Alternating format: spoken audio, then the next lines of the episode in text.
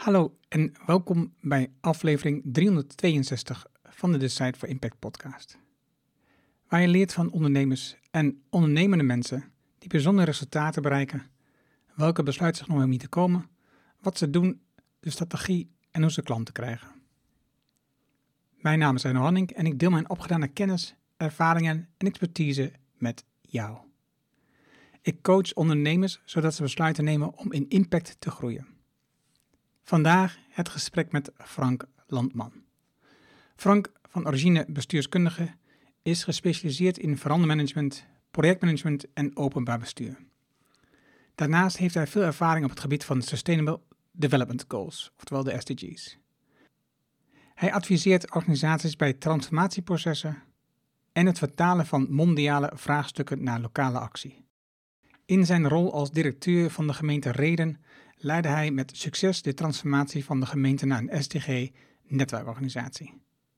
Als voorzitter van de Raad van Toezicht van de Foundation for Global Goals draagt zijn samenwerking met onder andere hogescholen en universiteiten bij aan de voortgang van de SDG-agenda 2030 van de Verenigde Naties in de Nederlandse gemeenten.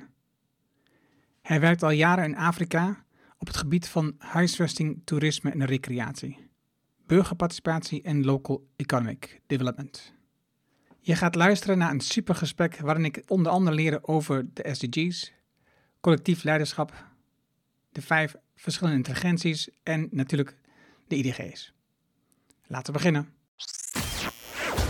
Welkom bij Decide for Impact, de podcast waarin je leert van ondernemers en experts die een positieve, duurzame bijdrage leveren aan mens en omgeving. Met persoonlijke verhalen die je helpen om impactbesluiten te nemen voor jullie bedrijf. Dan nu, jouw business coach, Engel Halling. Welkom in de nieuwe podcastaflevering. Dit keer zit ik met Frank Landman. Hallo Frank. Hi. Ja, we zitten tegenover elkaar. We hebben een keer weer een live ontmoeting voor de podcast. Dus dat is uh, bijzonder. We, we, dachten dat dit leuker zou zijn. Ja. Dus we gaan het zien. Frank, jij um, kwam op mijn radar via Joram. Ja, klopt. Ja, ja. via Joram. Ja. En dat kwam omdat we het hadden over um, de IDG's, de Inner Development Goals. En jij bent vooral bezig met de SDG's, de Sustainable Development Goals. Ik ben eigenlijk wel benieuwd, want je bent lang werkzaam geweest in de gemeente Reden. En daar heb je dat, ben je daarmee bezig Maar hoe, hoe, hoe kwam je in aanraking met de SDG's? Ja, dat is alweer een tijdje geleden. Ja, de eerste keer dat ik ermee in aanraking kwam was op een uh, conferentie. Ik dacht dat het in Den Haag was in de zomer van 2016. Daar zag ik een presentatie over de, nou ja, de, de Global Goals, de SDG's. Dat is dezelfde term eigenlijk daarvoor. En toen dacht ik, hé, hey, dat is interessant. Ik was bezig uh, als directeur van de gemeente Reden om de organisatie om te zetten naar een netwerkorganisatie. En ja, ik zocht naar, nog naar een soort handvat uh, om de drie domeinen die er toen waren, uh, om die meer integraal te laten samenwerken. Er was een sociaal domein, een ruimtelijk domein en een bedrijfsvoeringsdomein. En die communiceerden niet zo heel goed. En ik was al bezig om dus een netwerkorganisatie ervan te maken. En dat was nog een vraagstuk waar ik mee zat. Toen hoorde ik over die SDG's. En toen dacht ik eerst van, nou, dat is wel heel abstract. Dat is iets wat helemaal uit New York komt en uh, daar hebben allerlei wereldleiders met elkaar over gesproken. En die hebben gezegd, nou, daar gaan we voor. En Nederland dus ook. Dacht ik, ja, maar wat moet je daar nou in, uh, ja, in je lokale uh, situatie mee, hè, bij een gemeente? Dus ik vroeg dat ook. En toen zeiden ze, ja, nee, het is juist echt bedoeld om uh, lokaal mee aan de slag te gaan. Want op lokaal niveau, daar kun je resultaat boeken. Want de gemeenten zijn natuurlijk de partijen die echt bezig zijn met, uh, ja, met projecten en met uh, allerlei werkzaamheden samen met inwoners. En die maken het verschil. Dus toen dacht ik, hé, dat is interessant. Want uh, dan kan het misschien als een soort framework werken voor je organisatie om, om samen te werken. En ook vooral integraal te werken en aan doelen te werken. Want het zijn natuurlijk 17 doelen ja, waar, waar een gemeente allemaal mee werkt. Ik heb het wel eens een keer langs, de, langs een meetlat gelegd om te kijken van hoeveel werk je nou eigenlijk aan al die 17 doelen op dit moment al. Hè? Want het is vaak ook uh, onbewust bekwaam. Je doet al heel veel. En toen bleek ook wel dat eigenlijk aan ieder doel wel gewerkt werd. Uh, Eén natuurlijk veel meer dan de ander. En dat is dan ook wel interessant, want uh, je komt dan ook wel tot bepaalde inzichten. nou, in reden gaan bijvoorbeeld nou, meer dan 300 gezinnen naar de voedselbank. En dan zie je toch dat je budget voor armoede eigenlijk heel laag is. En dat is dan ook een interessant inzicht, want dat kan ertoe leiden dat je dan ook andere keuzes gaat maken. Nou, zo ben ik eigenlijk in aanraking gekomen met die, met die SDG's. We gaan zo voor de rest kijken naar je geschiedenis, wat je allemaal gedaan hebt. Maar ik ben even benieuwd, want dit stuk intrigeert mij. Dus je zegt van, je kan er juist op lokaal niveau het mee. Ik denk dat voor veel bedrijven denken dat het vooral wordt gezocht op, uh, op het zuidelijk halfrond, dat je daar werkt aan die Sustainable Development Goals. En tegelijkertijd denk ik ook wat jij net zegt. Je legt het langs een meetlat bij zo'n gemeente of in een organisatie. En dan zie je dat je op eigenlijk alle vlakken wel iets doet op die 17 doelen. Maar dan denk ik, maar dat, de bedoeling is juist dat we in 2030 hiermee een andere wereld creëren. Dat we daarvoor klaar zijn, dat er een heleboel dingen gigantisch veranderd zijn. Waar, waar is dan de urgentie als je eigenlijk al tot de conclusie komt dat je eigenlijk op alle vlakken wat doet? Mhm. Ja, ik snap die vraag heel goed. Jouw eerste punt over het zuidelijk halfrond. De SDG's zijn een opvolger van de Millennium Goals en die waren echt bedoeld voor het zuidelijk halfrond. Uh, deze 17 doelen zijn zowel voor het noordelijk als zuidelijk halfrond eigenlijk voor iedereen. En dat kun je ook wel teruglezen, want het gaat ook over economische ontwikkeling, het gaat over educatie, het gaat over uh, gendergelijkheid, het gaat over heel veel thema's die voor iedereen van belang zijn. En overigens, armoede is natuurlijk ook niet een thema wat alleen maar voor het zuidelijk halfrond geldt. Ja, dus daarmee um, is het voor iedereen. En hebben al die 193 lidstaten ook gezegd, nou wij gaan dat ook oppakken binnen ons land. Maar er hoort nog een agenda bij. Er zit een agenda 2030 bij, waarin echt harde targets zijn afgesproken met elkaar. Dat gaat bijvoorbeeld over dat nou, minimaal de helft van de kinderen wereldwijd educatie moet kunnen genieten. Dat gaat over bepaalde armoedeniveaus die minimaal uh, verhoogd moeten worden. Uh, hè, want het extreme armoede, dat is 1,9 dollar per dag. Uh, en, en nou, dat zijn dan bepaalde targets. En zo zijn er op al die 17 doelen, zijn er nog weer subdoelen geformuleerd. Met echt concrete uh, targets daaraan. En de bedoeling is ook dat het opgepakt wordt. En die vraag is ook gesteld. Hè. In 2015 is er ook een brief vanuit toenmalig minister Ploemen, samen met Jan van Zanen, voorzitter van de Vereniging van Nederlandse Gemeentes, naar alle gemeentes gestuurd. Van jongens, pak dit nou op. Het is de bedoeling dat we dit samen gaan oppakken. Uh, daarin kun je dan gaan samenwerken met elkaar. Maar zorg ook dat je concrete resultaten gaat boeken op die SDG's. En het tweede wat daarbij speelt, dat het eigenlijk niet iets is wat alleen maar van de overheid is. Het is echt bedoeld voor alle organisaties. Het is bedoeld voor uh, onderwijs, uh, maar ook voor de bedrijven. En dat zie je ook al. Hè. De bedrijven zijn misschien nog wel verder dan de gemeentes. En dat geldt ook voor hogescholen en universiteiten en andere scholen. Die zie je bijna allemaal al wel met die SDG's werken. Ze hebben vaak wel een soort uh, leergang op het gebied van SDG's, of ze gaan het integraal binnen al hun vakken implementeren. En je ziet ook dat, dat, uh, ja, dat het verschilt per organisatie. Um, daar zit ook wel het punt van uh, hoe ga je ermee om? Want je ziet veel bedrijven, en daar is veel kritiek op, die bijvoorbeeld kiezen voor SDG's die hun dan uitkomen. Uh, dat is ook wel logisch, hè? want je begint eerst te zoeken met van wat past nou bij jouw bedrijf? Hè? Wat is nou eigenlijk een beetje de core business van je bedrijf?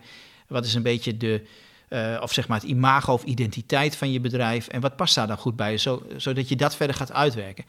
Maar het mooie is natuurlijk wel dat je uiteindelijk gaat kijken van hoe kun je aan al die doelen werken. Uh, en dan probeer je ook een, uh, stapje extra te zetten. Ik vind zelf uh, het alleen maar stickeren met die SDG's, dus te kijken, wat ik net noemde, leg het langs de meetlat en kijk waar je allemaal wat aan bijdraagt, dat vind ik te mager. Dat is wel mooi voor je bewustzijn, dat is ook al wel belangrijk, dat je dan te degen bewust bent van wat je doet. Maar je wil eigenlijk ook een uh, stapje extra zetten. En misschien ook wel extra keuzes maken op punten waar je bijvoorbeeld nog niet heel actief mee bezig bent, maar die wel passen bij die agenda 2030. En dat inzicht geeft het je dan. Je noemde net dat punt armoede. En, en, op alle vlakken zie ik dat, wat je al zegt, bedrijven kiezen vaak dan een, een doel wat al bij hen past, waar ze waarschijnlijk ook al iets in hebben gedaan of waar ze heel makkelijk iets in kunnen doen. dus als je kijkt, uh, we zijn bezig met SDG's en dan hebben ze een verpakking aangepast, maar ze maken nog steeds troep. Dan denk ik, ja, oké, okay, eh, die schiet er niks meer op. Dit is gewoon doen alsof je iets doet en er gebeurt eigenlijk gewoon nog steeds niks. Het Shell die nu, uh, wat ze aan het doen zijn, nog ondertussen gewoon doorboren, nog steeds uh, olie pompen. Ja. Maar, maar dan zogenaamd iets doen. Sterker nog, een aantal jaar geleden hebben ze alle zonnecellen afgestoten, BP net zo. Dus het, het is in mijn gevoel dan een schijnwereld als je naar dat armoedestuk kijkt, je zegt hè, dat gemeente, in een gemeente speelt het ook. Je noemde het de voedselbank, mensen gaan naartoe. Dat is armoede. Maar de armoede waar ik aan denk, die je net benoemt, is dat minimale getal van, zeg maar voor het gemak, 2 dollar per dag voor een mens, wat al belachelijk laag is. er zijn dus gewoon hele gebieden in de wereld waar dat dus niet van toepassing is. Dan, dan zou ik denken, de urgentie ehm, zou in het noordelijk halfrond, op het, in, het, in het Rijke Westen, zou moeten zijn om die landen te helpen om dat te realiseren. In plaats van dat je nadenkt van de voedselbank voor die arme mensen in, in de gemeente. Niet dat ze dat niet waard zijn, voor dat ik dat doe ik niet te zeggen. Maar ik denk Mhm. de urgentie voor dat deel, wat is er namelijk, een, dat, gaat over een paar miljard mensen, dat is veel groter. Zo kijk ik er tegenaan. Ja. Hoe zie jij dat dan? Ja, dat ben ik natuurlijk met je eens. Als je er wat holistischer naar kijkt, dan, dan zeg je van de verschillen zijn zo groot, die moet je eerst eens zien op te lossen. En dat is natuurlijk ook wel wat er aan de hand is. Eh, er zijn een aantal grote eh, vraagstukken wereldwijd, eh, waarbij je dus niet meer alleen naar je eigen land kunt gaan kijken. Die zul je wel gezamenlijk moeten oppakken. Maar dat is alweer een hele andere kijk op, op ons economisch model, op ons economisch systeem. Hè, we zijn natuurlijk gewend om vanuit een soort lineair economisch systeem naar de werkelijkheid te kijken. Waarbij we proberen om, om alles te berekenen. En daarbij vergeten we in mijn ogen twee belangrijke pijlers waar de SDG's ook voor staan. Hè. Je hebt natuurlijk de economische pijler, maar je hebt ook eh, de sociale ontwikkelingskant. En je hebt natuurlijk de ecologische kant. En als je daarnaar kijkt, dan ga je veel meer zoeken naar een balans. En ehm, ik las laatst iets over dat de, het probleem niet eens is de hoeveelheid voedsel, want die is er wel voldoende wereldwijd. En ook de ruimte is ook voldoende. Alleen het gaat natuurlijk om de herverdeling. Ehm, en dan is het heel ingewikkeld, want eh, je ziet natuurlijk dat heel veel landen geneigd zijn om eerst naar hun eigen nationale ontwikkeling te kijken.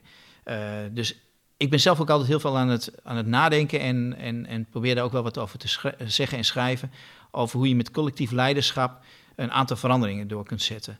Ehm, en door, door te kijken vanuit eh, nou ja, de vraagstukken die eigenlijk over de grenzen van landen heen gaan, dan kun je ook verbindingen maken. En dat is natuurlijk wel een van de mooie kanten van de SDG's.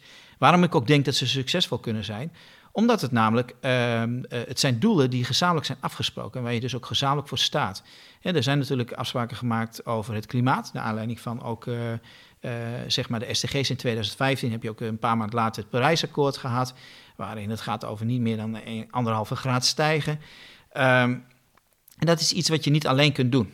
Dat zul je op internationaal niveau met elkaar moeten gaan afstemmen. Ehm, en dat, dat geldt ook voor, eh, voor, voor de energiecrisis en voor andere grote vraagstukken. Ja, het begint eigenlijk al in Nederland. Je ziet nu al dat een thema als, als gas, ehm, dat, dat kun je niet meer beperken in mijn ogen tot een, tot een, een vraagstuk wat alleen maar voor Groningen eh, geldt. Ehm, mijn kritiek is een beetje dat er vanuit het kabinet heel erg wordt gekeken van hoeveel gas kunnen we nog uit de grond boren in Groningen ten opzichte van hoeveel oppositie krijgen we uit de provincie. Ja, dat vind ik een hard gelach. Eh, ik vind dat je dat al op een nationaal niveau moet gaan bekijken. Want eh, het heeft direct consequenties ook voor de andere provincies, om het maar zo te zeggen. Want stel nou dat je zegt van ehm, je gaat toch steenkool eh, weer verbranden. Dan heeft dat echt natuurlijk direct consequenties op de, op de mensen in, in Groningen. Dat daar minder gas wordt uitgehaald. Maar het heeft ook weer te maken met het ecologische vraagstuk. Dat, daar zou je kunnen zeggen van dat is slecht eh, voor het milieu. Dan krijg je weer meer CO2-uitstoot, et cetera. Maar het heeft ook weer consequenties voor het armoedevraagstuk. Door de hoge gasprijzen komen nog meer gezinnen in een armoedesituatie. Dus dan is steenkool misschien wel weer een uitkomst. Dus alles hangt aan elkaar vast.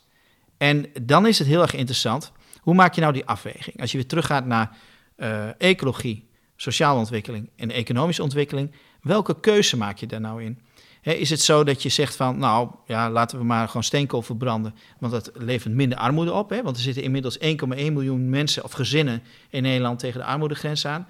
Of zeg je nee, eh, wij vinden ecologie belangrijker, dus wij gaan eh, geen steenkool verbranden. Wij houden het bij gas. Dus dan gaan we in Groningen eh, meer gas weer uit de grond halen. Nou, het gaat dus om die balans, zowel op nationaal niveau, maar natuurlijk ook op internationaal niveau. Want alles hangt met elkaar samen. Om het met een voorbeeldje te illustreren, er wordt veel gestuurd op zonnepanelen. Ik weet niet of jij ze op het dak hebt liggen. Bijna. Bijna. maar ehm, dat, dat is natuurlijk heel mooi. Hè? Dat, is, dat, dat, dat levert natuurlijk eh, ehm, van alles op. Maar het levert ook wel andere dingen op dan alleen maar positieve punten. Het lijkt alsof het een, een vraagstuk is wat te maken heeft met klimaat. Nou, als je mensen vraagt, die zien het vaak gewoon als iets van... nou, dat levert mij gewoon eh, lagere energiekosten op. Hè? Dat is al een, een van de drijfveren.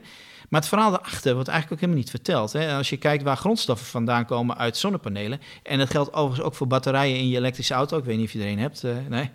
Ehm, dat zijn natuurlijk grondstoffen, zo- zoals kobalt, wat uit mijnen in Congo komt. Eh, 60% van de kobalt wereldwijd komt uit Congo en 20% daarvan wordt met de hand gedolven. Nou, dat gebeurt veel door kinderen. en soms storten mijnen in. dat is natuurlijk een mensenrechtenvraagstuk. Dus daar zit ook alweer die verbinding tussen van... wat doe je nou met, met je ecologische vraagstuk zonnepanelen op je dak. En wat doe je met je mensenrechtenvraagstuk in Afrika? En dat geldt ook weer voor lithium, wat weer veel uit Zimbabwe komt, ook uit mijnen. Uh, voor die batterijen in die auto. Dus in hoeverre is die auto, die elektrische auto, nou een goed idee? Of zijn die zonnepanelen een goed idee? Die kunnen een goed idee zijn, maar dan moet je wel naar de hele keten kijken. Dan moet je het op een nou, bijna holistisch niveau gaan beschouwen. En dan moet je wel die verschillende SDG's met elkaar in verbinding brengen. En dat vind ik dus ook waarom je de SDG's als een integrale strategie moet oppakken. En niet zeggen van, nou, ik kies voor deze, deze en deze, omdat het past bij mijn identiteit of mijn bedrijfsfilosofie. Of misschien omdat het gewoon net makkelijk is, omdat je er al aan werkt. En dan begrijp ik het echt wel hoor, want ik vind het al mooi dat partijen eraan werken. En ook zeker het MKB, als die al dingen oppakken, dat, dat vind ik echt fantastisch. Maar laten we wel proberen om wel de dingen met elkaar in verband te brengen. Dus die samenhang gaan zien. Ja, ik heb, ik heb het hier ook vaak over. Dus dat die samenhang, die is ook reuze ingewikkeld. Op heel veel dingen is het gewoon niet erg duidelijk hoe het zit. Of is bij de mensen die het hebben niet bekend. We hebben nu bijvoorbeeld de discussie van, eh, we leven op dit moment in augustus 2022. Eh, we hebben het over boeren met een stikstofprobleem. Je, zij zijn verantwoordelijk voor 30% van de stikstofuitstoot op dit moment in Nederland, als ik het goed heb onthouden. Of 40, 40 voor mij. 40% van de boeren, 30% komt uit, het, komt uit het buitenland, wat die neergeslagen. En zij wijzen op dat moment dus naar dat buitenlandprobleem. Maar volgens mij gaat het over allebei dus. Ja, kijk, we hebben natuurlijk boter op ons hoofd. Hè. Je ziet dan weer een uh, mooi artikel over uh, biodiversiteit in Nederland is toegenomen. Uh, en dat is ook zo. We hebben namelijk weer vossen en andere bijzondere dieren, andere ro roofvogels of wat dan ook. noem het maar op, die zijn teruggekomen. Ehm, maar wij zijn in Europa de grootste afnemer van sojabonen uit Brazilië. En wat gebeurt daar? Daar worden behoorlijk wat bomen voor gekapt. Ik ben zelf twee keer over het Amazonewoud heen gevlogen. Ik heb de kale plekken gezien. Nou, ik vond het echt heel confronterend. Nou, ik weet inmiddels ook dat er uh, meer dan 17% is gekapt. Uh, nog 5% erbij en dan verliest dat woud haar uh, opslagcapaciteit van water. Want het reguleert eigenlijk de regenseizoen. Dat kan omdat het water kan vasthouden. Maar als die massa, dat totaal van, van dat woud, als dat zo klein wordt, dan zakt het af en dan kan het dat niet meer reguleren. Het heeft ook een hele belangrijke functie zelfs om het Amazonegebied heen, op gebied van regen- en, en waterregulering. Um, en dan zakt het af naar een savannegebied. En uh, dan kreeg je in één keer een enorme uitstoot van CO2, wat de lucht in komt vanuit het woud. En je bent gewoon daar nou je hele biodiversiteit zeg maar kwijt. En er zijn heel veel unieke organismen in dat, in dat woud. En je verliest natuurlijk je enorme opslagcapaciteit van CO2 in dat woud. Nou, dat zeg ik even heel kort door de bocht, want het ligt natuurlijk heel gecompliceerd en, en veel ingewikkelder dan ik nu vertel. Maar het puntje van boot op je hoofd is wel dat je dan gaat zeggen: God, het gaat zo goed met de biodiversiteit in Nederland, terwijl dat jouw overloopeffect, zo noem je dat, in het buitenland dusdanig veel groter is dan het voordeel in Nederland. Nou, en, ehm, en zo moet je natuurlijk wel tegen die dingen aankijken. Gaat het nou om dat je in Nederland dan een betere uh, biodiversiteit heeft? Of gaat het erom dat je dat wereldwijd als totaal uh, dat het toeneemt? Nou, volgens mij gaat het om het laatste. En dat is razend ingewikkeld. En dat is ook bijna een opgave ja, die te complex is om, om, om voor iedereen afzonderlijk te kunnen maken. Maar het vraagt wederom weer om collectief leiderschap. Want er zijn natuurlijk wel partijen die dat inzicht wel hebben. En die wel die samen aankennen. En er zijn allerlei onderzoeksinstituten die dat allemaal prachtig uitrekenen. Ik weet niet of je ook die film toevallig nog hebt gezien van uh, Planetary Boundaries. Daar zie je ook heel veel gewoon wetenschappelijke berekeningen en feiten uh, over hoe het gaat met, uh, met de ontwikkeling. Ik, ik, ik stuit over dezelfde punten die jij beschrijft. Dus aan de ene kant um, heb ik het over het feit dat ik me druk maak over de sociale en ecologische ongelijkheid, om dat te verminderen. En dat gaat voor mij, en ik heb dan van uh, Alain C. geleerd, het gaat over hier en daar. Dus het gaat over in Nederland, maar ook verder weg. Dus het is de balans. Ik heb het, um, Else Boutkan hebben we het vaak ook over de en zij zit in de plastic wereld, met name in de voedings, uh, in de, in de, hoe heet het, in de tuinbouwomgeving. En daar zie je ook al die koppeling met elkaar. Dus als je de koppelingen niet ziet van wat we aan het doen zijn, denk ik dat je gewoon, wat je zegt, boter of dat je gewoon uh, oogklep op hebt of iets dergelijks. En dat is toch wel wat we in Nederland op veel vlakken hebben. Ja. Hè, als je kijkt van de boeren, van de CO2, je kijkt van de huizen, je kijkt van de gassen, de, en noem het maar allemaal op. Dus, we lijken wel of we gewoon bezig zijn met wat er in het land gebeurt. Elke dag en elke dag weer paniek en, en lawaai. Maar de, de echte, de, de echte grote fase wat dan draait, waar, waar je paniek voor zou moeten hebben, daar hebben we het niet over. Of zo min mogelijk. Of die laten we een beetje links liggen, omdat we het vandaag hebben over een AZC in Tubberg of Albergen. En jij hebt het dan over, over uh, het leiderschapstuk.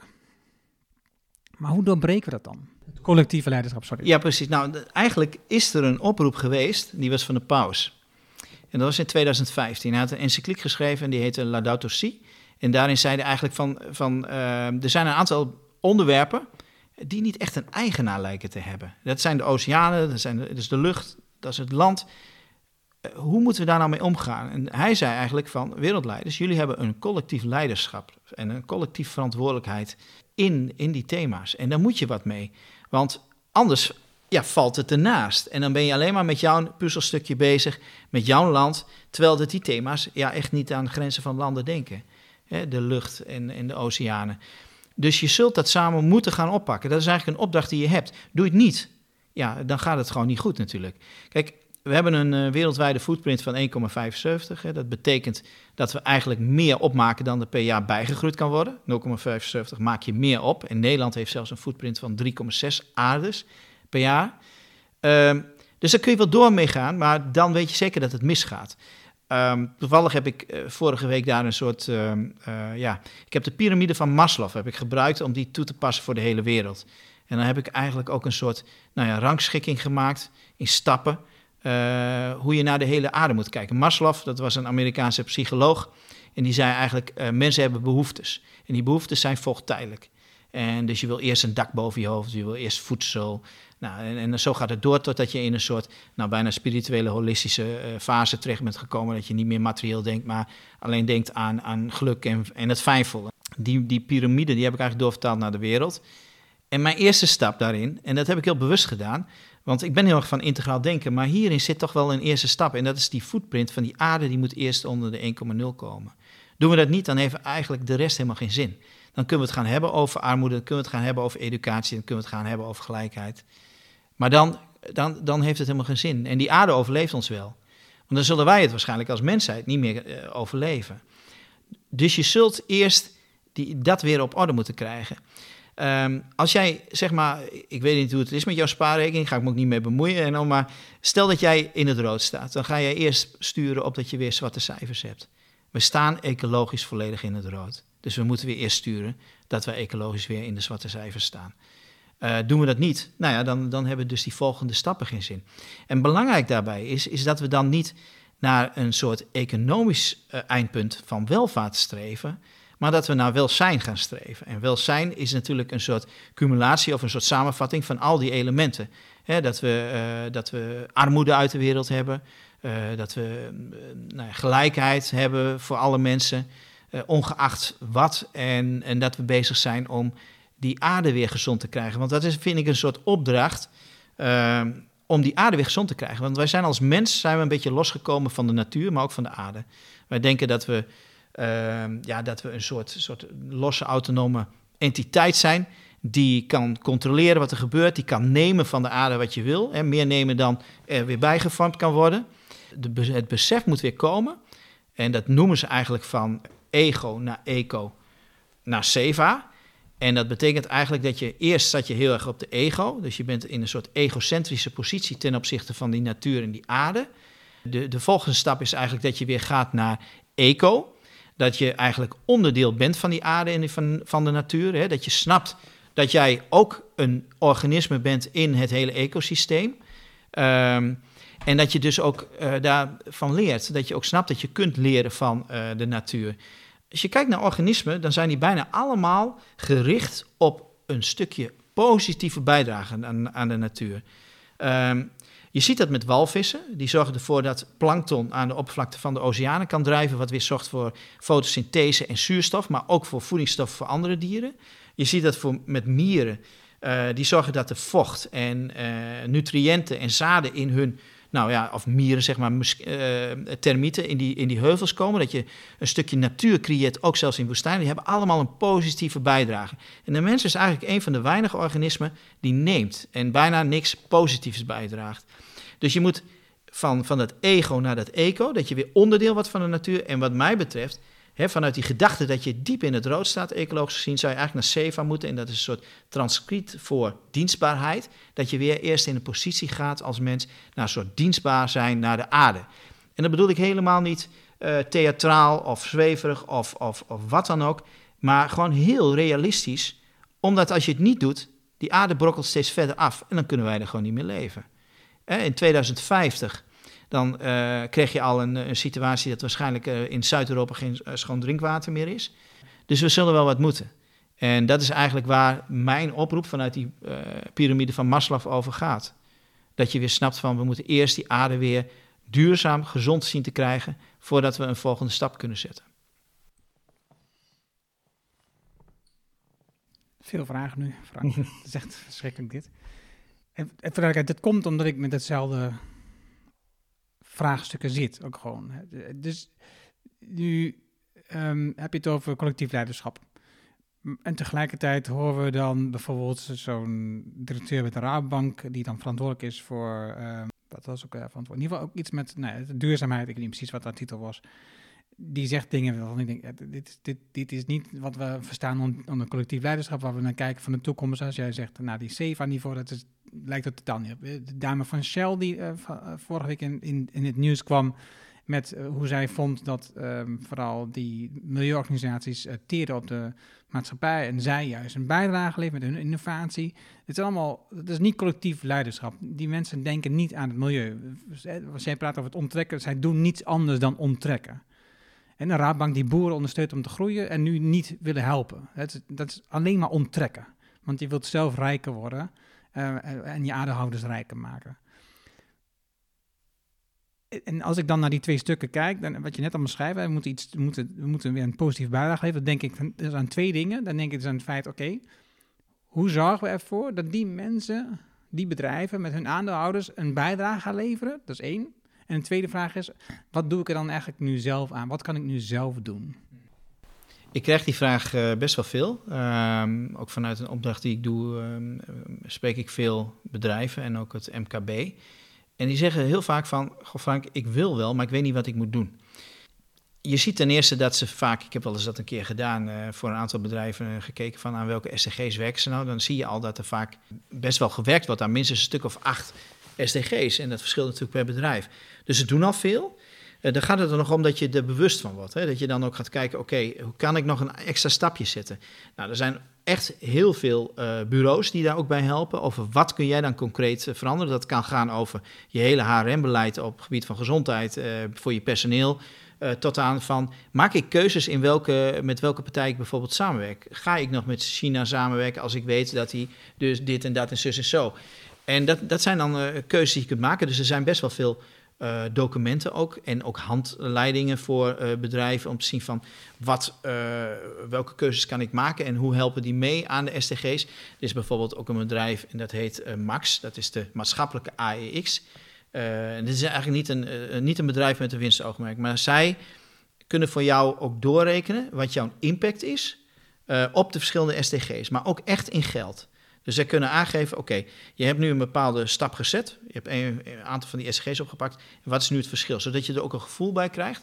En die kunnen je ook helpen in voorbeelden. Er zijn natuurlijk heel veel organisaties die al uh, met die SDG's aan de slag gaan. En wat doen die dan? Hè? Wat zijn nou de concrete dingen die je doet? Wat mij betreft gaat het echt om die hele kleine, uh, kleine projecten die het verschil maken wereldwijd. Um, ik, ik, noem vaak het voorbeeld van uh, BioMyGreen. Dat is een bedrijfje dat maakt uh, meststoffen, kunstmatige meststoffen. Uh, en eh, wat zij deden op een gegeven moment was, toen ik nog directeur van de gemeente was, kwamen bij me, goh, ik heb een stuk land nodig Want ik wil met die meststoffen eigenlijk gaan experimenteren met groenten. Want het idee is dan dat de groentes mooier, beter en groter worden. Dat ik meer opbrengsten heb en dat het beter gaat. Maar daar heb ik ook nog wel een school bij nodig die uh, daarin kan adviseren met deskundigheid en innovatiekracht. En zo kwamen ze ook bij Van Larenstein uit. En toen hadden we eigenlijk al de samenwerking overheid, onderwijs en ondernemen. Maar doordat zij vanuit die STG's dachten, gingen ze die opbrengsten, die brachten ze naar mensen uh, die, in de katerbak zaten van, bij de gemeente, die dus in een uitkeringssituatie zaten of naar de voedselbank gingen. En dat zijn al van die hele kleine voorbeeldjes waar je al een verschil kunt maken. Uh, en zo geldt het natuurlijk ook voor iedereen persoonlijk. Uh, als, jouw, als jouw douche s ochtends eerst nog, of je, je gebruikt de kraan en je wil warm water, dan kun je hem eerst laten stromen, dat koude water, tot het warm is. Maar je kunt het op, opvangen en weer in je tuin gooien. Nou, je kunt het niet zo gek verzinnen. Je kunt natuurlijk ook wat stenen uit je tuin halen, zodat je, en dat noemen ze dan operatie steenbreak, dat je wat meer, minder verharding hebt. Hè, zodat ook je wat kunt doen aan infiltratie van water en ook aan ecologie. Dus er zijn zoveel mogelijkheden en uh, er zijn ook allerlei stukken over geschreven. De VNG International die rapporteert daar veel over. Op, ook op hun site kun je heel mooi voorbeelden vinden. Er staat zelfs een enorme lijst met allemaal best practices. Wacht even, wacht even. Het gaat niet uit mijn hoofd op dit moment, hè? Dat watervoorbeeld wat je geeft. Ja, dus dan... Ik doe het op dit een stuk korter dan ik ooit heb gedaan. En dan lees je het verhaal afgelopen week van de droogte in de krant de drie grootste uh, waterafnemers, uh, Tata, DSM en Parenco uit mijn hoofd. Ja. Het gaat over miljarden kubus wat zij, wat zij verbruiken. Terwijl ze, terwijl ze andere oplossingen kunnen bedenken. Parenco, daar ging het namelijk even over bijvoorbeeld die onttrekken van grondwater, hoe ze minder schoon te maken. En terwijl ze zitten naast een rivier, ze kunnen gewoon gebruik maken van rivierwater. Ik zeg Parenco, ik weet niet 100% zeker, maar ik dacht dat het Parenco was. Wat heeft het dan voor zin als ik me druk maak over zeven minuten of vijf minuten douchen. Of, dat, of, dat, of die emmer water voortdurend met het koud water opvangen en dan met een emmertje lopen te kloten naar de tuin. Ik, ik snap heel goed dat je, dat, uh, dat je die vraag stelt. Maar dan, dan snij je eigenlijk nog een ander onderwerp aan. Waarvan ik vind dat dat ook een, een grondslag heeft voor al dit soort vraagstukken. En uh, dat zit in dat ik vind dat wij onze besluiten, zowel nationaal als internationaal, eh, veel te eenzijdig nemen vanuit een soort rationele grondhouding. En dan, ehm, dan kom je op, eigenlijk op intelligenties uit. Wij, uh, als mens heb je vijf intelligenties. Tenminste, dat, dat vind ik. Dat, uh, daar heb ik wat onderzoek naar gedaan. En dat is ecologische intelligentie, dat is sociale intelligentie, spirituele intelligentie, fysieke intelligentie en cognitieve intelligentie. Nou, um, eerst toen we nog een soort Neandertaler waren, bij wijze van spreken, toen hadden we vooral ook heel veel ecologische intelligentie nodig, want je moest weten welke bessen giftig waren en niet. Uh, je had ook fysieke intelligentie nodig, want je moest wel kunnen overleven in de wildernis. Uh, vervolgens zag je dat uh, er wat nederzettingen ontstonden. Mensen gingen, dachten van, nou, ik ga niet iedere dag jagen, maar ik kan net zo goed een paar varkens of koeien bij mijn huisje doen. En dan, nou, ontstonden er wat nou, communities. En dan had je dus ook wat uh, sociale vaardigheden nodig om te kunnen samenleven met anderen. Dus die sociale intelligentie die ontstond. Uh, ik doe het heel kort de bocht hoor. Uh, vervolgens kwamen er allerlei vragen. Mensen die hadden natuurlijk geen antwoord op allerlei vragen. Dus ook spiritualiteit ontstond en ook spirituele intelligentie. over het heelal, over allerlei holistische vraagstukken. En toen, ergens in de industriële revolutie en daarna de technologische evolutie uh, ontstond er heel veel cognitieve intelligentie. We konden wel dingen uh, duiden, we konden wel wetenschappelijk dingen gaan aantonen, we gingen dingen snappen.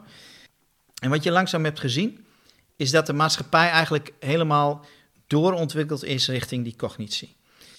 En, is, is, even voor mijn ja? is, lijkt het op de Maslow-model, um, waarbij je dus laag voor laag dat hebt? Is, dan, is, is het of is het gewoon een cirkel bijvoorbeeld? Nee, dit, dit, is, dit zou je als een cirkel kunnen zien. Want dit zijn in mijn ogen gewoon vijf intelligenties die iedereen bezit. Waarbij ik alleen stel van... We zijn er wel een beetje losgekomen van die eerste vier.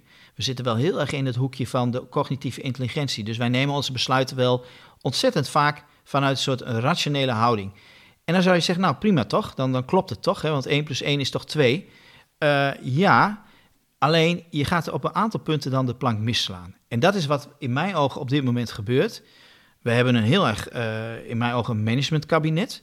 Die zijn heel erg mathematisch dingen aan het berekenen via Excel-tabellen. En dan komen ze op een ogenschijnlijk goed antwoord uit.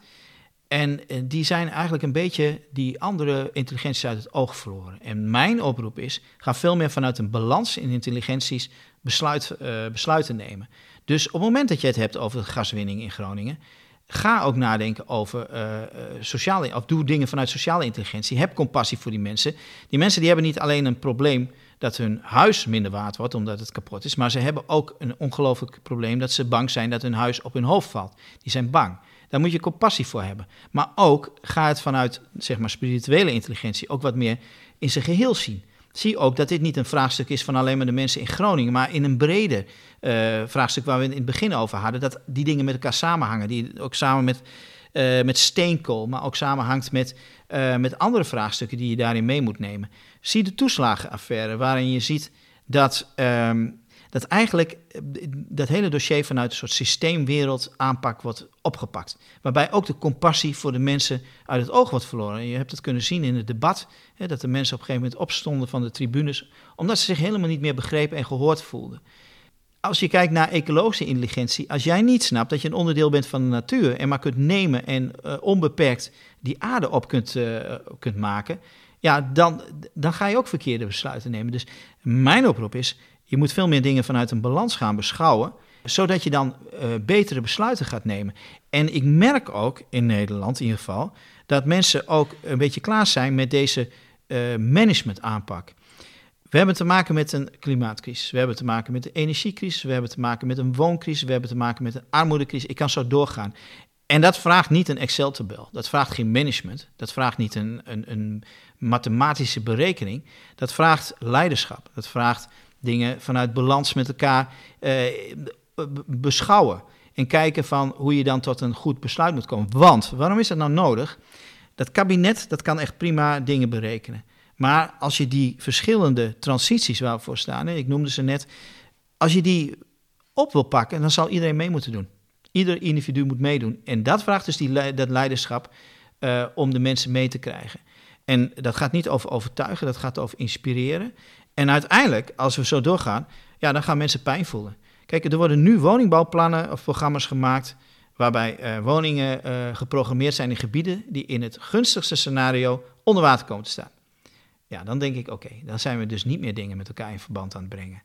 En dan zijn we de kop in het zand aan het steken. Dat is natuurlijk ook inherent aan politiek, zonder nou een heel politiek verhaal te willen uh, houden. politiek zit er natuurlijk voor de korte termijn. En die zijn niet per se bezig met uh, 2050. En dat zouden ze wel moeten doen, vind ik. Uh, maar dat is misschien niet de drijfveer van de mensen die op die plek zitten. Er zijn natuurlijk uitzonderingen. En wat je dan krijgt, is dat er op de korte termijn gemanaged wordt, in plaats van leiderschap. Uh, de vraag van hoe we dan die grote bedrijven, zover krijg ik nog niet beantwoord. En datzelfde krijg ik nu weer dit gevoel. Hè? Dus je hebt je hebt collectief leiderschap nodig. Je moet veranderen naar lange termijn denken. Dat, dat vind ik ook. Hè. Dus als mens, als ondernemer, als um, in de overheid. Maar als je naar de als je naar een onderneming kijkt bijvoorbeeld, dan, dan is een ondernemer en die zeker in het Rijnlandse gedachtegoed, in, in Nederland, in Duitsland, en dan heb je vaak bedrijven die vanuit een familiegedachtegoed zijn voortontwikkeld. Hè? Dus als ondernemer start je bedrijf en papa denk je, ja, ik moet het, ik moet het overdragen aan mijn kinderen. En, en zo gaat het generatie voor generatie. Dus je denkt daarmee automatisch eigenlijk al meer aan de lange termijn. Je denkt aan, wat kan ik nalaten voor mijn kinderen met dit bedrijf? Maar voor een overheid, je hebt een, een bestuur wat gekozen wordt voor een termijn van vier jaar, als het goed is. En telkens heb je dan weer nieuwe krachten die dan spelen, omdat je telkens weer wil dat je herkozen wordt. En je moet weer allerlei dingen voldoen om weer herkozen te worden. Dus telkens ben je bezig met eigenlijk maar een termijn van vier jaar, als je geluk hebt. D dit kunnen we toch dan niet doorbreken? Nou, even nog terug op jouw punt over die bedrijven. Voor die bedrijven geldt hetzelfde. Dat is hetzelfde antwoord. Zij kunnen ook anders tegen hun bedrijfsvoering aan gaan kijken. Zij kunnen ook ja, maar, zeggen maar hoe van... Krijg, maar hoe krijgen wij bedrijven als een Shell zover? Omdat, oh, Shell. Nou, oh, ik, nee, ik berichtte me net nee, even nee, op MKB. MKB die, die, die, doen het in principe voor een groot deel, denk ik, bijna automatisch. Maar een bedrijf als Shell, neem bijvoorbeeld in je leven. Je, hebt dan uh, Polman gehad. Hè? Dus die heeft, had een andere visie. Die, die dacht al holistisch over een heleboel dingen na. En die wordt, die wordt zeg maar, ontslagen door de aandeelhouders. Ja, ja. En, en wij maken afspraken met de Shell over belastingtarieven. Ze maken 18 miljard in het eerste kwartaal van dit jaar winst, terwijl dat de mensen uh, die 800 euro niet eens krijgen, omdat de computersystemen het niet aankunnen. Ja, dat is niet meer uitlegbaar. En dat is wat ik bedoel. Dat begint bij een kabinet wat dus niet alleen maar lineair economisch denkt en niet vanuit alleen maar de cognitie, maar probeert om besluiten in een, in een balans van meerdere intelligenties, of aanvliegroutes, zo je het maar wil nemen, uh, gaat nemen. Waarbij dus ook ecologie wel een rol gaat spelen. En dus dat je streeft naar welzijn en niet naar welvaart. En dat... maar nou kunnen we dat zo heel mooi hier zeggen, Frank. Mhm. Hier zo, wij met z'n tweetjes en nog wel honderd mensen meer op LinkedIn. Maar het verandert niet. Sterker nog, het lijkt alleen maar erger te worden, de polarisatie. Nou ja, er zijn mensen die ook denken dat het, uh, dat het ook niet meer op korte termijn kan. Kijk, we, we bestaan als mensheid 5000 jaar.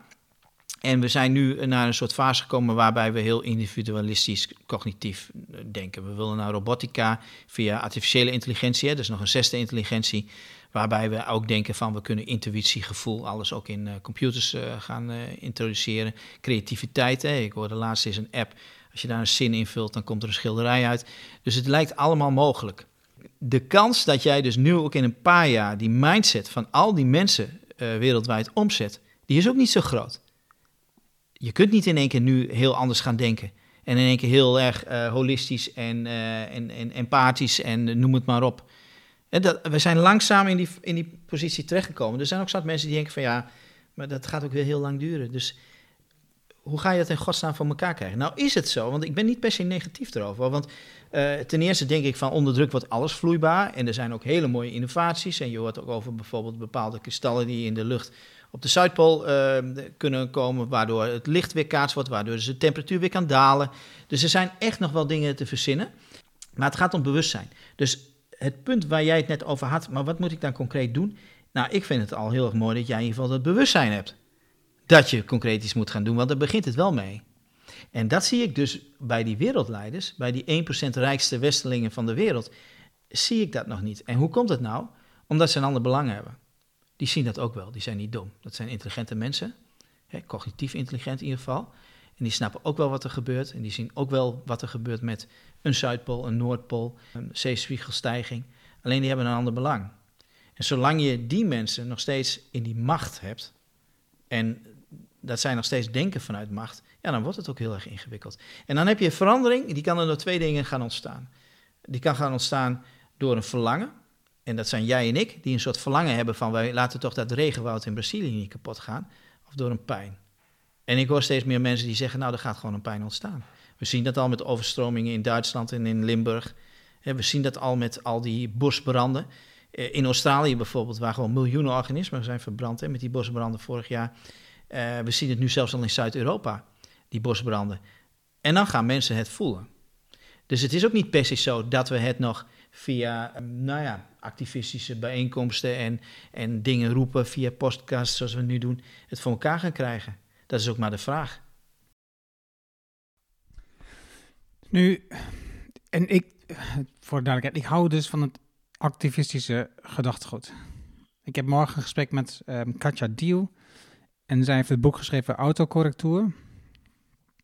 En dat gaat over hoe we over auto's denken. En haar boek maakt heel erg duidelijk dat we hebben een beeld gevormd over wat de normaal is met daarin de auto. Terwijl het is niet de normaal er is ook een wereld zonder auto. Mhm. En sterker nog, de auto, ehm, hoe we mee omgaan en hoe onze uh, land is ingericht en onze steden ingericht, dat is ontstaan omdat mensen daar een belang bij hadden. Ja. Die, hadden een belang bij om meer auto's te krijgen, want dan maken ze meer omzet. En in Duitsland is dat natuurlijk nog iets erger dan Nederland. We hebben daar vijf grote autofabrikanten zitten, dus, dus dat is de drang nog groter. Maar als je haar verhaal leest, dan zie je ook zeg maar, de, de impact die dat heeft, het negatieve impact heeft op, op heel veel mensen, op een heel grote groep van mensen die niet worden gehoord, die niet worden gezien. Dus je, en ik hou van het activisme, hè, dat je ondanks alles, ondanks alle tegenspraak die ze krijgt, alle weerstand die ze krijgt, dat je toch blijft doorgaan om dat, om dat te veranderen. Nou ja, en dat zie ik bij jou en mij misschien ook, maar bij mezelf misschien ietsje minder dan, dan als ik zo iemand als haar zie een Kees Klomp, noemen ze wat iemand. Of nou ja, er zijn een paar meer van dat voorbeelden waarvan ik denk, jezus, die hebben toch echt wel heel veel passie en energie om ondanks alle weerstand door te zetten. En tegelijkertijd denk ik, ja, die pijn, die maakt het wel duidelijk. Maar de vraag is, is dat op tijd? Ja, die pijn die gaat gewoon, eh, die, die voelen we nu al. Ja, we, we, zien het nu al. Hè, ik, ik, uh, ik sprak laatst, ik, ik heb een weiland. Een van die boeren die, die, die, die kwam langs en die zei, Frank moet je eens kijken, dat, dat gele bloempje. Hij zei, dat bloempje dat ontstaat alleen als die grond kurk en kurk droog is. En um, eerst kon ik een paal in de grond slaan, zei hij, en dan zat ik op een gegeven moment op de grondwaterstand. Ik sla nu een paal in de grond en ik kom bij lange na niet meer bij, uh, bij het grondwater. Hè? Iedereen ziet het. Uh, en we gaan het ook steeds meer voelen. Dat is uh, onomkeerbaar. En volgens mij iedereen die daar ook nu wat wetenschappelijk onderzoek in heeft gedaan en wat gepubliceerd wordt, die benoemen dat ook allemaal. Dat het, ja, een aantal dingen zijn redelijk onomkeerbaar al geworden. Ik hou zelf van diepzeeduiken. Nou, een aantal koraalriffen zijn gewoon al helemaal grijs. En dat gaan we echt niet eh, binnen een paar jaar weer voor elkaar hebben. Dus uh, het lijkt ook een, een, een, heel negatief verhaal. Dat is het voor een groot deel ook. Maar het is niet onmogelijk. Hè? We kunnen gewoon nog steeds een betere balans brengen. Want het is aanwezig. Hè? Wat ik al zei, er is voldoende voedsel, er is voldoende ruimte. Je moet het alleen gaan doen. En de krachten zullen op een gegeven moment ook zo groot worden dat misschien ook machtsposities gaan verschuiven. Hè, als je kijkt naar Afrika, die hebben uh, het grootste aandeel uh, als het op het gebied van grondstof, bijvoorbeeld goud, platina, diamanten, aardolie, die hebben zoveel van die resources, dat op het moment dat het bij die westerse machthebbers minder gaat, en dat gaat natuurlijk gebeuren, er gaan ook woestijngebieden ontstaan, dat misschien wel posities gaan verschuiven. Ik zag laatst zag ik een TED-talk van een Afrikaanse vrouw en die zei, hoe kan het zo zijn dat wij dus al die bronnen hebben, meer dan waar dan ook ter wereld. Uh, we zijn voor 70% zijn wij, liggen wij aan zee. Dus we hebben ook een ongelooflijk goede positie. Hoe kan het dan zo zijn dat ik voor 1 dollar 900 van mijn valuta moet inleveren? Dat zijn natuurlijk machtsposities die ook in stand worden gehouden hè? vanuit het koloniale tijdperk. Hè? En dat wordt natuurlijk nog steeds eh, zo gedaan. Eh, neem het voorbeeld van, van, van kipfilet in Nederland. Eh, kipfilet, dat, dat willen we in Nederland eten, want we vinden tegenwoordig die botjes en zo allemaal maar niet, uh, niet zo prettig meer. Hè, want dan zien we dat het ook van een kip is. Dus het hoofdproduct in Nederland is die kipfilet. En die, die restproducten, de vleugeltjes en de borststukken, dat wordt allemaal naar Afrika verscheept. En voor een dumpprijs, ja, nou precies hetzelfde woord, voor een dumpprijs wordt het daar op de markt gegooid. Wat betekent dat nou? Dat die lokale kippenboertjes, die kunnen niet meer concurreren. Dus wij zijn gewoon opzettelijk die markt aan. Nou, misschien is het niet per se opzettelijk, maar we, we zijn er wel bewust van. We zijn, nou ja, zijn we dat aan het kapot maken. En op die manier ja, zijn wij bezig. En er kan een soort verschuiving van posities gaan komen. En ik zou dat niet zo erg vinden als er een nieuwe balans zou komen tussen dit soort continenten. En waarom vind ik dat niet? Daar zou ik nog één toevoeging bij doen. Um, maar dat is, een, dat is een hele persoonlijke mening. Ik vind dat, zeg maar even weer terug, hè, even heel zwart-wit, die 1% rijkste westerlingen die de machtsposities hebben en de belangen hebben om, eh, om vanuit een soort lineaire economie naar welvaart te streven, die zijn in ieder geval het contact met de natuur verloren, zou je wel kunnen zeggen. Ik ken heel veel uh, filosofie op het gebied van humaniteit en, en andere dingen vanuit Afrika, omdat ik daar veel gewerkt heb, die veel meer nog in contact staan met de natuur. Die nog veel meer een besef hebben van, hé, hey, maar wij kunnen niet onbeperkt de natuur kapot maken. En uh, dat ken ik zelfs vanuit Zuid-Amerika. In het Amazonewoud heb ik wel eens, uh, ben ik op bezoek geweest bij indianengroepen. waarbij op een gegeven moment waren daar overstromingen geweest. En die leven van de bushmeat noemen ze dat. Hè? Dat zijn de zwijnen in het woud en dat eet ze en herten en zo. En dan waren door overstromingen was dat echt naar een heel laag peil. Er was nog 10% of zo van over. Wat gaan ze nou doen? Ze gaan niet het volgende jaar gelijk weer die laatste 10% op. Die wachten drie jaar tot het weer op stand is en dan gaan ze weer wat ze nodig hebben. Dus het gaat om, de, om het consumeren wat je nodig hebt. Ten opzichte van uh, zoveel mogelijk willen consumeren wat je maar kunt kopen. Dus je ziet ook dat een continent als Afrika. met een veel oudere traditie nog en een veel oudere cultuur. nog veel meer het besef hebben. Uh, dat je in een balans moet zijn met ecologie. En ook met, sociaal, hè, met sociale aspecten. Dus een, een hele, er zijn meerdere filosofieën. Maar eentje daarvan is natuurlijk Ubuntu. Uh, dat heb ik zelf in townships uh, gezien in Zuid-Afrika, waarbij het gaat over dat de groep er is voor het individu en het individu voor de groep. En dat vind ik ook zo'n mooie analogie met de SDG's. Daar is het ook lokaal voor de wereld en wereld voor lokaal. En dan zie je dus dat in dat soort culturen er niet direct wordt gedacht van wat is nou mijn individuele belang, maar wat is nou het groepsbelang? En als het groepsbelang, als ik daaraan werk, dan komt mijn individuele belang ook in orde. Nou, en die opvatting, Dat vind ik dus een heel mooi humane opvatting. Als je dat nou verder zou kunnen uitzetten in de hele wereld. Hè? Ik weet dat het nu een beetje uh, heel erg uh, uh, nou ja, hypothetisch wordt. Maar als je dat voor elkaar zou kunnen krijgen, dat je die filosofie, dus het collectief leiderschap. Wat heb je nou als groep nodig om ten eerste het ecologisch weer onder die 1,0 footprint te krijgen qua aardes. En sociaal, dat je armoede tot een bepaalde mate kunt uitbannen. Nou, dan, dan ga je uiteindelijk individueel er ook allemaal op vooruit. Maar dat vraagt lef en dat vraagt sowieso dat een, dat een aantal van die wereldleiders daar gezamenlijk in gaan optrekken. En dat zie ik nog niet zo 1, 2, 3 gebeuren. Nu hebben we het in het begin hebben genoemd in de Development Goals, de, IDG's. En dat is een raamwerk wat bedacht is door een aantal uh, mensen in Zweden met allerlei onderzoeksinstituten eromheen verzameld om te werken aan 21 eigenschappen van mensen, vaardigheden van mensen in vijf verschillende domeinen. De gedachten die ik daarbij heb, voor duidelijkheid, en het, is een, het is een vrij jong iets, dus het is nog een ontwikkeling. En ze zijn nu bezig om uh, die tools te maken, de gereedschappen te maken, te, nou, niet te maken, te verzamelen, om, uh, om te, te helpen dat je die eigenschappen ontwikkelt als mens of als organisatie. En ik zie dus dat het een middel is om, te, om je als mens te ontwikkelen, zodat je meer bezig bent met de lange termijn. Zodat je meer bezig bent met wat jij net schetst um, voor het collectief bent. Dat je, hè, dus in, ik denk, lange termijn denk ik altijd aan zeven generaties. En, eh, want dat is ook het collectief. Dan, dan ga je voorbij je eigen, eigen leven denken over wat is nou wat ik doe op dit moment, het effect daarvan op, op, op de toekomst. En niet mijn toekomst, maar op de toekomst van het geheel. En ik denk dus dat, ik, heb de hoop en het geloof ook, omdat, dat is waar ik, waarom ik eraan werk, dat dus die IDG's een middel zijn om hiermee in de slag te gaan. En naast, naast natuurlijk de SDG's, waar, je een soort meetinstrument hebt met elkaar van, oké, we zijn met die doelen, we zijn daar en daar. Maar de IDG's is een soort voorbij, um, uh, moet ik zeggen, eigenlijk weer terugbrengen van al die denkstijlen die je net noemde, hè, al die intelligentie die je net noemde. Jij hebt er ondertussen ook wat naar gekeken. Uh, uh, je hebt het ook verwerkt in je model, wat je net noemde van een Maslow-stuk. Daar stonden de SDG's en de IDG's in, dus ik ben daar heel blij mee. Hoe zie jij de IDG's?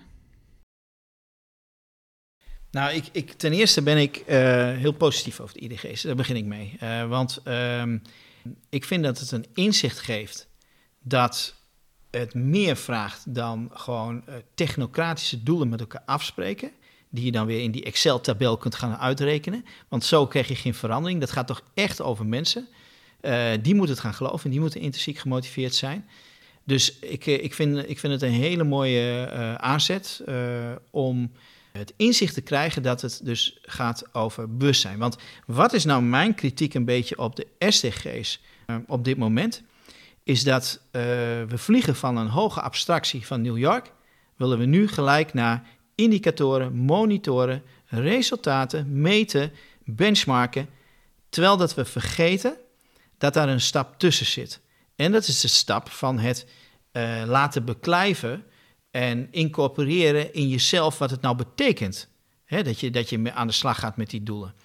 En, en als, je dat, als je dat beseft, dan gaat het dus ook over motivatie. Dan gaat het over overtuigingskracht. Dan gaat het over lef. Dan gaat het over inspiratie. Dan gaat het over al die 21 verschillende competenties die eigenlijk nodig zijn om die SDG's succesvol te maken. En dat vind ik al hele mooi. En dat zit echt volledig in lijn met wat ik vertelde over de intelligenties. Dat op het moment dat jij vergeet uh, dat er nog andere intelligenties zijn, dan zul je misschien je besluit alleen maar heel erg technisch nemen. En niet snappen dat er ook nog een gevoelscomponent is, waardoor je misschien net iets anders zou besluiten of een andere weg zou kiezen. Nou, en dat doen dan die, die IDG's, eh, heel mooi in mijn ogen. Wat ik ook vind van de IDG's, eh, is, ik, ik heb trouwens toevallig nu twee keer een soort witte vlek erin ontdekt. Um, dat kwam vanuit mijn intelligenties, dat ik voor fysieke intelligentie eigenlijk geen uh, IDG's goed kon ontdekken die daarbij pasten. En toen ik met Maslow bezig was, toen had ik ook een laag dat wat gaat over health en healthcare, voor, voor all. Uh, kon ik ook geen IDG eraan koppelen. Dus ik heb hem nu twee keer eigenlijk aan die fysieke uh, gezondheidskant. Uh, vind ik hem nog niet. Ik weet niet of die ook moet. Maar ik kan me wel voorstellen, omdat er best wel veel SDG's zich daarop richten, dat het ook handig zijn, zou zijn omdat de IDG's zich richten op de SDG's, dat daar dan ook nog wat voor gecreëerd wordt. Overigens heb ik nu contact met iemand van de IDG's om het daarover te hebben. Dus geen idee of dat nog tot een ontwikkeling leidt, maar in ieder geval, uh, ik ga het met, hun daar ook over hebben. Wat ik uh, ook vind van de IDG's, is dat ze zich eigenlijk niet zouden moeten richten op de SDG's. Um, omdat ik namelijk SDG's ook een instrument vind. Natuurlijk zit er ook wel iets inspirerends achter van uh, je gaat doelen bereiken en die doelen op zich zijn ook belangrijk. Maar ik vind nog steeds de SDG's een instrument om hogere doelen te bereiken. En dat is dus die balans, zoals ook vanuit de donortheorie tussen ecologie, sociaal en, en uh, economie. Daar zou het zich op moeten richten. En daarboven eigenlijk het niveau van, uh, van well-being, van, van welzijn. En dus ik zou het nog mooier vinden als de IDG zich nog één stapje omhoog richten op het vraagstuk wat erboven zit, waarbij het echt gaat over nou ja, dat je naar een, een, duurzame toekomst voor de aarde met iedereen erop wil gaan. En wat daarvoor nodig is. En dat is ook de reden waarom ik met mijn Maslow heb gebruikt om aan te geven van het is allemaal integraal, maar er zit toch nog wel een soort drempel in die je toch wel eerst gehaald moet hebben met z'n allen. Voor mij zit hier een groot verschil tussen het Anglo-Amerikaanse denken en het Rijnlandse denken. Het Anglo-Amerikaanse denken is gebaseerd op communicatie, op uh, controle, op... Het is, we vragen mensen dingen te doen en vast te leggen, zodat we het kunnen registreren, zodat we het daarna kunnen meten en kunnen bekijken hoe het zit en wat onze vooruitgang is en dat allemaal. Het is alles wat allemaal cijfermatig uiteindelijk uitgedrukt. Terwijl en, en uiteindelijk bij het Anglo-Amerikaans is het dan voor de aandeelhouder. Hè? Dus in dit geval dan weer is dus de mens uiteindelijk. Hè? Dan, dan hebben wij er het lang staan als planeet. Het gaat niet over de, de dieren, de, al die dingen in de ecologie. Nee, het gaat over ons als mens in dit geval. Terwijl vanuit het Rijnlandse gedachtegoed is het veel meer over alle betrokkenen, stakeholders, betrokkenen. En dan ga je veel, dan ga je, je kijkt veel in, meer als een geheel naar alles. Hè. Dus je denkt na over wat, wat is de rol van mijn organisatie, van mijn bedrijf in de maatschappij? Wat betekent die voor de medewerkers? Wat betekent die voor mij? Wat betekent die, wat betekent die ook voor de gemeenschap waar wij in zitten? Dus het gaat veel, veel dieper, veel breder en eigenlijk vanzelf. En het is zo zonde in Nederland, en daarom maak ik het niet zo hard voor, dat we eigenlijk zoveel dat Anglo-Amerikaanse gedachtegoed aanhangen. En we kijken naar uh, Amerikaanse modellen, we lezen Amerikaanse boeken, we uh, adoreren Amerikaanse ondernemers die belachelijke bedragen uh, binnenhalen en verdienen. En, en dat vinden we fantastisch. Dus een Elon, Elon Musk, Jeff Bezos, noem ze allemaal op. Als we een boot voor ze mogen maken, zijn wij helemaal blij met hun. Alsjeblieft. We hebben hier toch gewoon een, een organisatiestructuur, een, een, een, een structuur voor de maatschappij die gewoon altijd beter heeft gefunctioneerd als je oprecht naar kijkt. Waarom, waarom kijken we daar naar op? Waarom kijken we zo'n, van, zo'n individualistische kijk naar zo'n mens? Ik begrijp het niet zo goed. Ik verwacht niet dat je een antwoord voor de duidelijkheid, maar dat is, dat is waar ik mee zit. En, ik, en, en dus voor mij hoop ik dus, en, en, daar, en daar wil ik op met je aan de slag. We, hebben dan, we zijn bezig met de IDG-hub voor de Achterhoek. En we zijn met een aantal hubs in Nederland bezig. Maar de hub Achterhoek, daar, daar gaan wij ons in ieder geval ook mee bemoeien. Het is IDG Hub voor de Achterhoek. Daar wil laten zien vanuit praktijk, met voorbeeld van bedrijven, hoe zij in de praktijk bijvoorbeeld een aantal van dat soort eigenschappen of um, kwaliteiten oppakken in hun bedrijf. Hoe ze dat organiseren. En wat kun je daar dan als andere ondernemer van leren? Hè? Dus ook daar weer in, kijk wat je samen kunt doen. Het begint al met dat als jij uh, als leider van een bedrijf streeft naar winst, en dan economische winst. Dan, dan, daar zul je al een, shift in moeten willen maken. de, gedachte is dat als je minder naar winst streeft, dat je dan minder ontwikkelt. Maar het bewustzijn dat je ook sociaal kunt ontwikkelen en ecologisch kunt ontwikkelen met je bedrijf.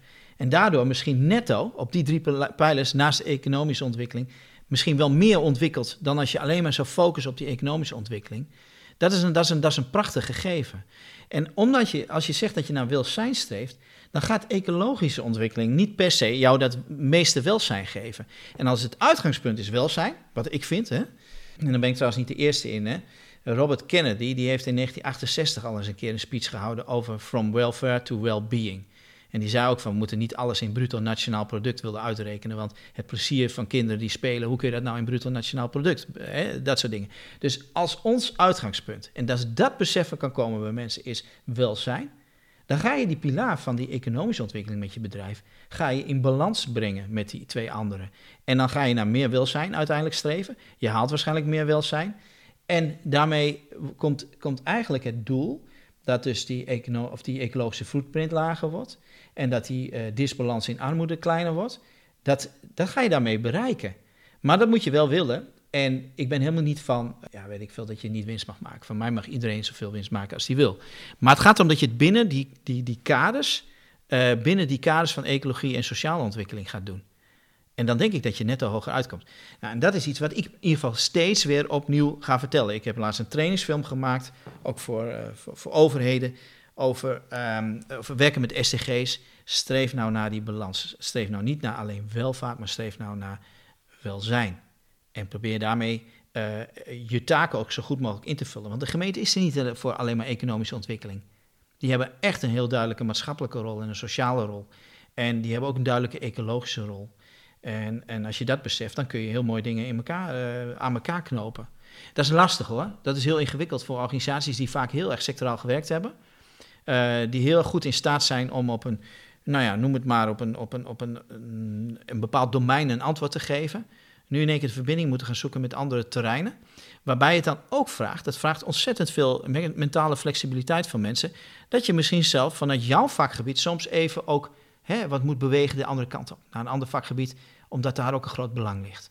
Nou, en dat, dat zijn we natuurlijk niet meer gewend. Alleen al vanuit die individuele uh, manier van werken die wij hebben, die ook nog vaak sectoraal is. Ik ga toen naar een afronding.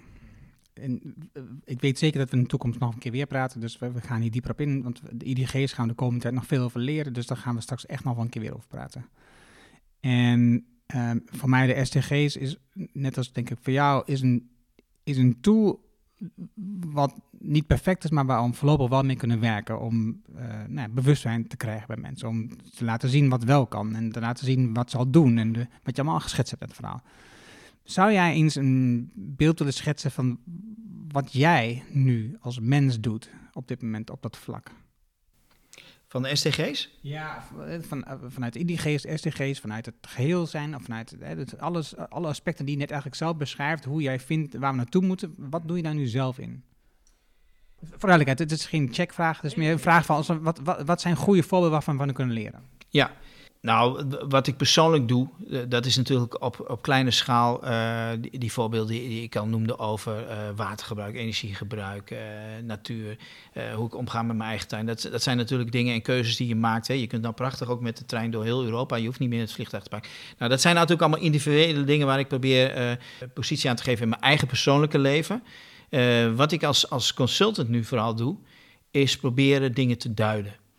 Ik probeer, um, wat je ziet is dat de wereld zo complex is, waarbij dus mensen in een soort uh, reflex schieten om alles op een postzegeltje proberen te gaan managen. Maar dat vraagt dus ook uitleg over die samenhang, omdat niet iedereen die samenhang ziet uh, of wil erkennen of andere belangen heeft, probeer ik in ieder geval weer iedere keer te zeggen van, hé, hey, maar dit is er aan de hand. En als je de samenhang ziet, dan is er ook van alles mogelijk. Dan is er nog een verhaal van hoop. Uh, maar dan moet je wel die samenhang op gaan zoeken. En als ik hem helemaal afpel, uh, daar heb ik laatst een keer een post over geplaatst, is dat wij aan de oppervlakte heel veel barrières hebben in samenwerking. Dat komt dan door dat we andere munteenheden hebben of dat we andere cultuurelementen hebben of andere talen spreken, waardoor wij bijna niet meer goed in staat zijn. Dat zit al zo in de weg om tot de essentie te komen van samenwerking.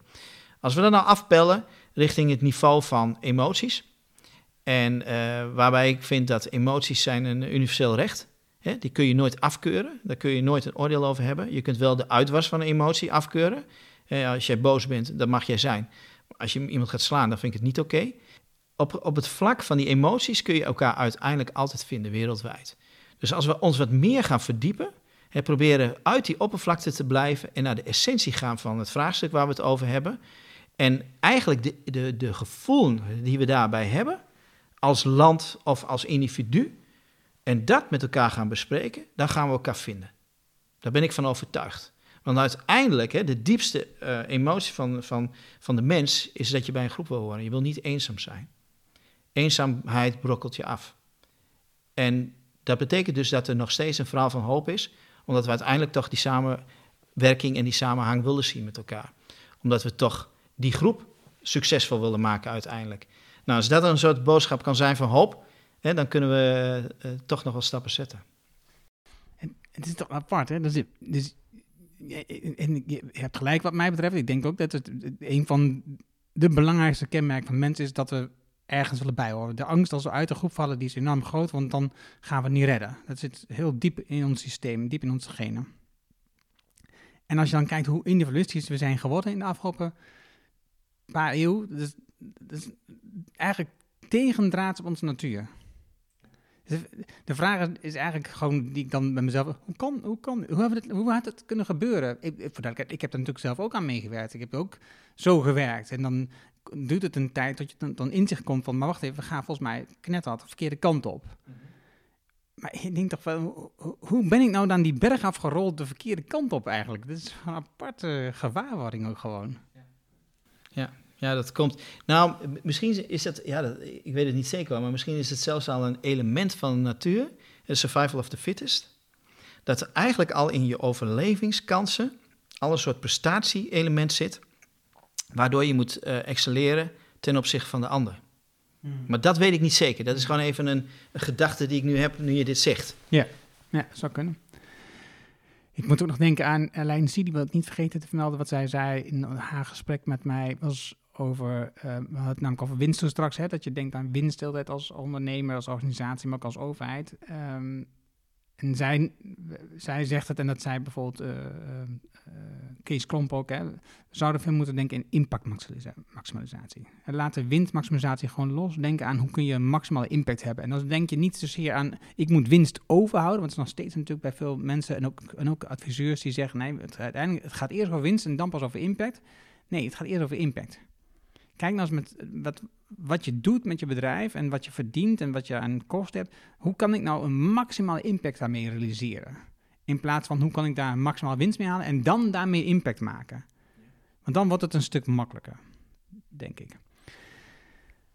Frank, ik ehm, heb veel geleerd.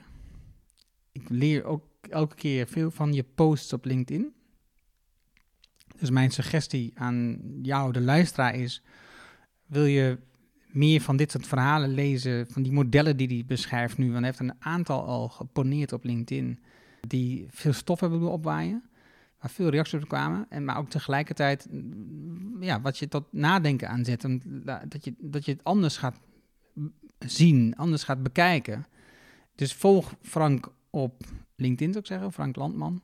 Uh, link zit in de show notes. En het andere, we hadden het altijd over IDG's, Inner Development Goals. Als je naar innerdevelopmentgoals.org gaat, daar vind je daar meer over. We zullen er zelf ook meer over gaan schrijven, dus dan komt dat meer naar boven. Dan kom je ook in Nederland terecht, maar dat is op dit moment nog uh, het, het, internationale platform waar je er meer over vindt. Ik vond het super om van jouw intelligenties te leren, het model van uh, Maslow wat je hebt gelegd op de wereld waarvan ik dus eigenlijk zelf zeg, daarmee met dat model vervang je eigenlijk het individuele model. En ik denk dan, dat model is eigenlijk beter dan het individuele model. En, um, ja, en voor de rest ook de inzicht die je gaf over de SDG's, want daar nog veel te leren. En ook de IDG's. Dankjewel daarvoor. Graag gedaan. Ik vond het een hartstikke mooi gesprek. Dankjewel daarvoor. Dat was het gave gesprek met Frank.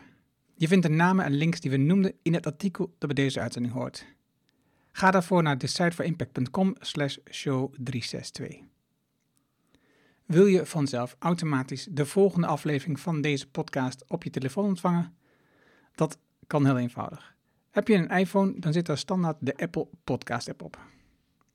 Open die app, zoek naar de Decide for Impact podcast en klik op abonneer. Heb je een Android-telefoon? Dan is het ook eenvoudig. Installeer dan eerst bijvoorbeeld de Player FM app Open die app, zoek de for Impact podcast en klik op abonneer. Dankjewel hiervoor.